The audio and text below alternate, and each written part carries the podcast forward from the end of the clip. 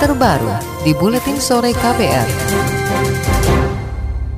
Saudara Wakil Gubernur Papua Barat Muhammad Lakotani akan mengumpulkan aspirasi masyarakat sebelum memenuhi undangan Presiden Joko Widodo. Namun kata dia tidak semua aspirasi masyarakat akan dituruti pemerintah termasuk pemerintah daerah pemerintah akan memilah aspirasi yang menurutnya pantas dibahas dengan Presiden. Tentu kita akan mengkomunikasikan ini sebelum pertemuan itu. Tetapi setelah pertemuan-pertemuan yang nanti dilakukan, itu tidak semua, tidak semua lalu harus disampaikan secara vulgar begitu. Tentu nanti kita akan uh, memilah-milah supaya mana yang layak untuk kita komunikasikan secara baik dan mana yang menjadi uh, tugas daripada pemerintah daerah. Kita pilah-pilah dia lah kira-kira begitu. Wakil Gubernur Papua Barat Muhammad Lako Kotani mengatakan selaku pemerintah daerah harus mempersiapkan segala sesuatunya untuk pertemuan itu, tidak dalam konteks menolak perintah presiden selaku kepala negara. Wakil Gubernur Papua Barat juga mengklaim saat ini kondisi Papua Barat sudah kembali kondusif dan aman. Saudara Istana Kepresidenan memastikan rencana pertemuan Presiden Joko Widodo dengan masyarakat adat Papua dan Papua Barat tidak sekedar basa-basi,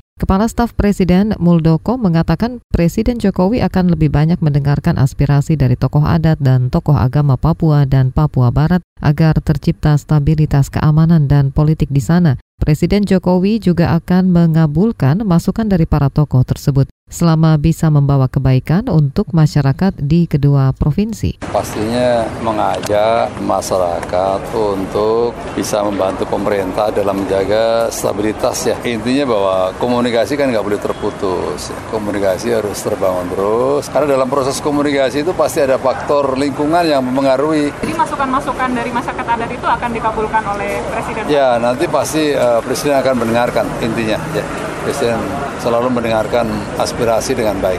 Ya. Kepala Staf Presiden Muldoko menambahkan tidak cukup satu dialog saja bagi pemerintah untuk menyelesaikan konflik di Papua dan Papua Barat. Muldoko mengklaim pemerintah juga sudah melakukan berbagai pendekatan untuk mengurangi konflik di Papua misalnya dengan pendekatan perbaikan infrastruktur serta layanan pendidikan dan kesehatan yang saat ini sedang dikebut di Papua. Sekretaris Aliansi Mahasiswa Papua, Albert Mangguar, menolak rencana pertemuan antara Presiden Joko Widodo dengan tokoh masyarakat adat dan tokoh agama di Papua dan Papua Barat. Rencana ini disampaikan Jokowi beberapa waktu lalu antara lain untuk membicarakan upaya percepatan peningkatan kesejahteraan di Papua dan Papua Barat. Menurut Albert Mangguar, pertemuan presiden dengan tokoh Papua bukanlah hal penting karena itu tidak menyelesaikan masalah. Apalagi tokoh yang diundang bukan mahasiswa korban diskriminasi rasial di asrama mahasiswa Papua di Surabaya, Jawa Timur. Tokoh masyarakat Papua itu yang mana dulu? Tokoh masyarakat Papua harus jelas tokohnya ini.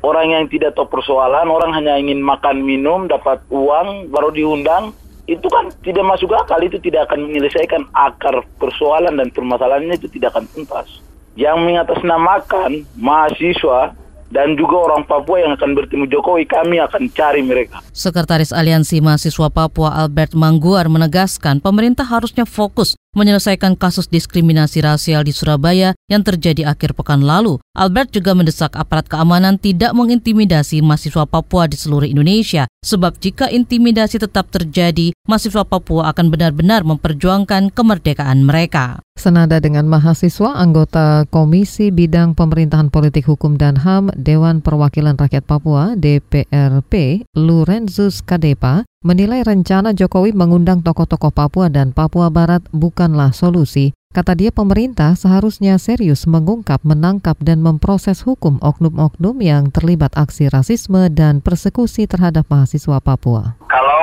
kalau terkait dengan rasisme ya, dengan itu persekusi jangan jangan uh, putar terus uh, alihkan isu uh, terus pengalian isu ya macam-macam. Jadi kalau mau selesaikan persoalan rasisme dan persekusi itu pokoknya tangkap saja pelakunya siapa. Anggota Komisi Bidang Pemerintahan Politik Hukum dan HAM Dewan Perwakilan Rakyat Papua DPRP Lorenzus Kadepa menambahkan pemerintah pusat seharusnya mendukung upaya yang dilakukan Gubernur Papua, Gubernur Papua Barat, DPR Papua, dan MRP jika ingin stabilitas politik di tanah Papua kembali aman. Sejenak saudara kita berolahraga bersama Friska Kalia. KPR Sport. Persebaya Surabaya menggait Alfred Riedel sebagai pelatih baru menggantikan Jajang Nurjaman. Pengumuman Riddle sebagai pelatih Persebaya dilakukan melalui Twitter resmi Persebaya Surabaya yang mengunggah video Riddle dan keterangan dengan tagar Welcome Alfred Riddle. Mantan pelatih timnas Indonesia itu akan segera tiba di Surabaya setelah menyelesaikan beberapa urusan administrasi di negaranya. Riddle menjadi pelatih tersukses tim Merah Putih karena mengantarkan timnas ke final Piala AFF 2016. KBR Sport Sore ini empat wakil Indonesia yang terdiri dari satu tunggal putra, satu ganda putri dan dua ganda putra akan berebut di tempat semifinal kejuaraan dunia bulu tangkis 2019 yang berlangsung di Stadion Jakob Schell, Swiss. Dalam laga perempat final ini, pemain bulu tangkis Indonesia Jonathan Christie akan menghadapi Sai Parnit dari India, ganda putri Grecia Poli Aprilia Rahayu akan menantang unggulan keempat Cina Chen Qingsheng dan Jia Yifan. Sementara dua ganda Indonesia Fajar Alfian dan Muhammad Rian Ardianto akan melawan pasangan Korea Selatan dan Hendra Setiawan Muhammad Ahsan akan berhadapan dengan ganda Taiwan Liao Min Chu dan Liu Yu Chen. Sport